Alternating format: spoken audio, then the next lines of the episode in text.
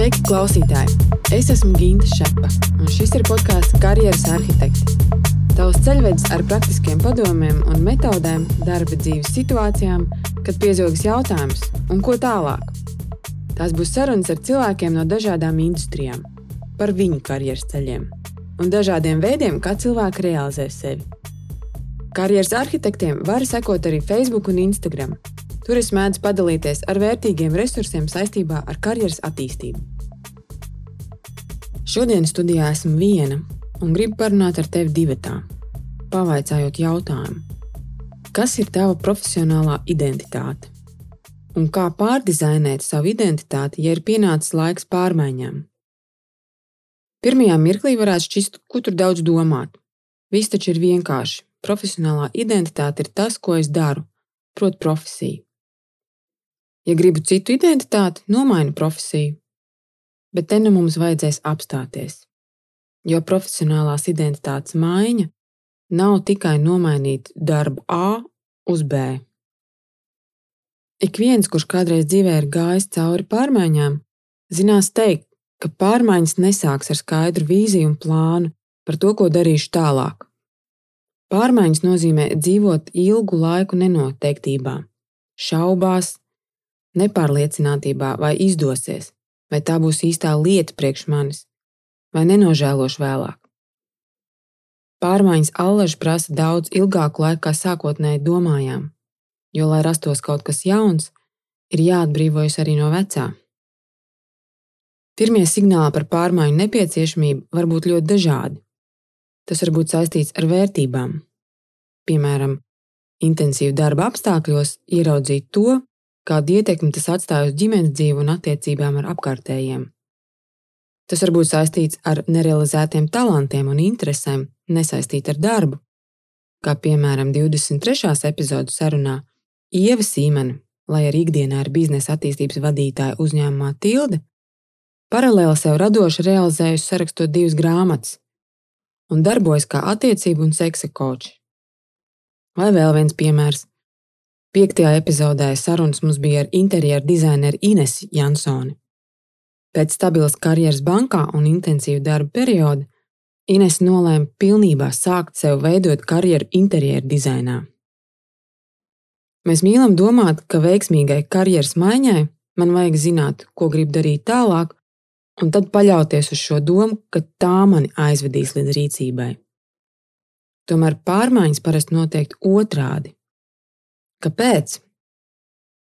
Jo visvērtīgākās atziņas un refleksijas rodas brīžos, kad mēs darām un piedzīvojam kaut ko jaunu, kad parādās kaut kas jauns, par ko reflektēt, ko es par sevi vēl nezināju. Mūsu vecās identitātes pat tad, ja ir jau nokalpojušas, paliek noenkurojušās ikdienas aktivitātēs, attiecībās un stāstā, kam paši mēs ticam. Tāpēc ir neiespējami ieraudzīt savu jauno identitāti, reflektējot par pagātni. Kā nomainīt savu identitāti? Visefektīvāk pielietojiet principu testē un mācies. Darbojoties trīs līmeņos, kas formē mūsu identitāti. Sākot ar pirmo līmeni, proti, identitāte mainās praksē, sākot darīt jaunas lietas, un es gribu uzsvērt tieši uz jaunām lietām. Man ir jāeksperimentē, jāiesaistās aktivitātēs, kas dod iespēju izmēģināt jaunas lomas, jaunas atbildības, apgūt jaunas prasmes. Tāpat iepriekš minētā Ines Jansone pirms pieņēma lēmumu par aiziešanu no bankas, veidoja interjeru dizaina projektu saviem draugiem, palīdzēja ar padomu, Inese nepamet darbu bankā tikai ar ideju par to, kā būt interjeru dizainerei. Viņa iekāpa praktiski interjeru dizaineru kurpēs, saprotot, ko šis darbs nozīmē.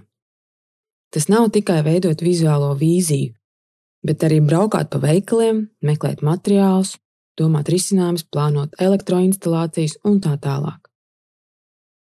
Otrais profesionālās identitātes līmenis ir mūsu kontaktu lokus darba attiecības, profesionālās grupas, kopienas, kam piederam.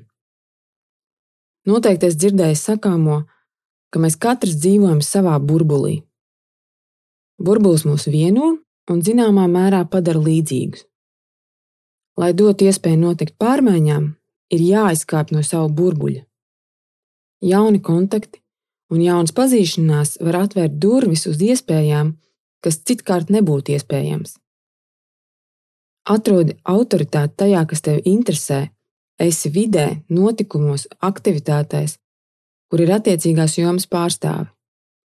Lai tev ir iespēja dzirdēt un redzēt, iespējams, iepazīties ar cilvēkiem, kas līdzīgi kā tu ir nomainījuši profesiju.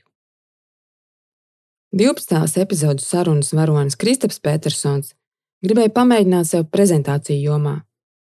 Kā tas ir veidot labi strukturētas un spēcīgas prezentācijas? Viņš nolēma, ka grib mācīties no labākajiem industrijā, un neatlaidīgi pusgadu rakstīja labākajai prezentāciju aģentūrai pasaulē, Duarte, Kalifornijā, ASV. Un rezultātā dabūja iespēju stažēties tajā. Tas Kristapam deva iespēju redzēt, kā strādā ar pasaules līmeņa zīmoliem. Visbeidzot, trešais identitātes līmenis Tas ir saistīts ar notikumiem mūsu dzīvē, kas veido pārliecības un pieņēmumus par to, kas ir un kas nav iespējams dzīvē.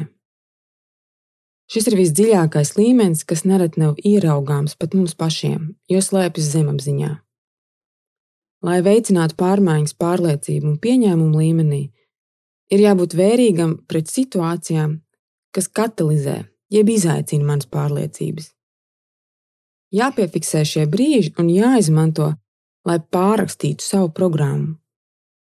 Piemēram, 20. epizodes saruna bija ar publiskās runas institūta oratoru dibinātāju un koču Lauru Vanagu.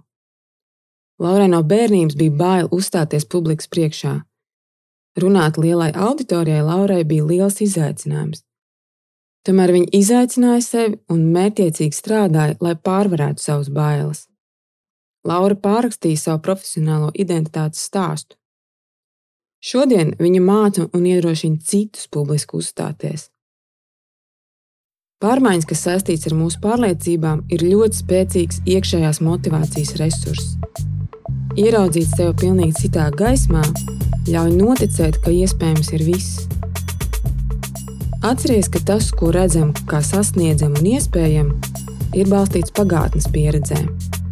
Taču mēs daudz ko par sevi vēl nezinām un nevaram iedomāties, ka var būt arī citādāk, ko vēl mēs spējam.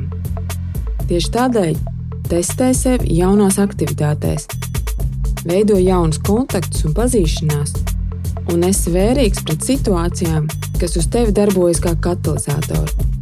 Izaicini ieraudzīt sevi citā gaismā. Lai tev eksperimentiem pilns un aizraujošs tavs jaunās identitātes ceļš, Tiekamies pēc nedēļas. Atā!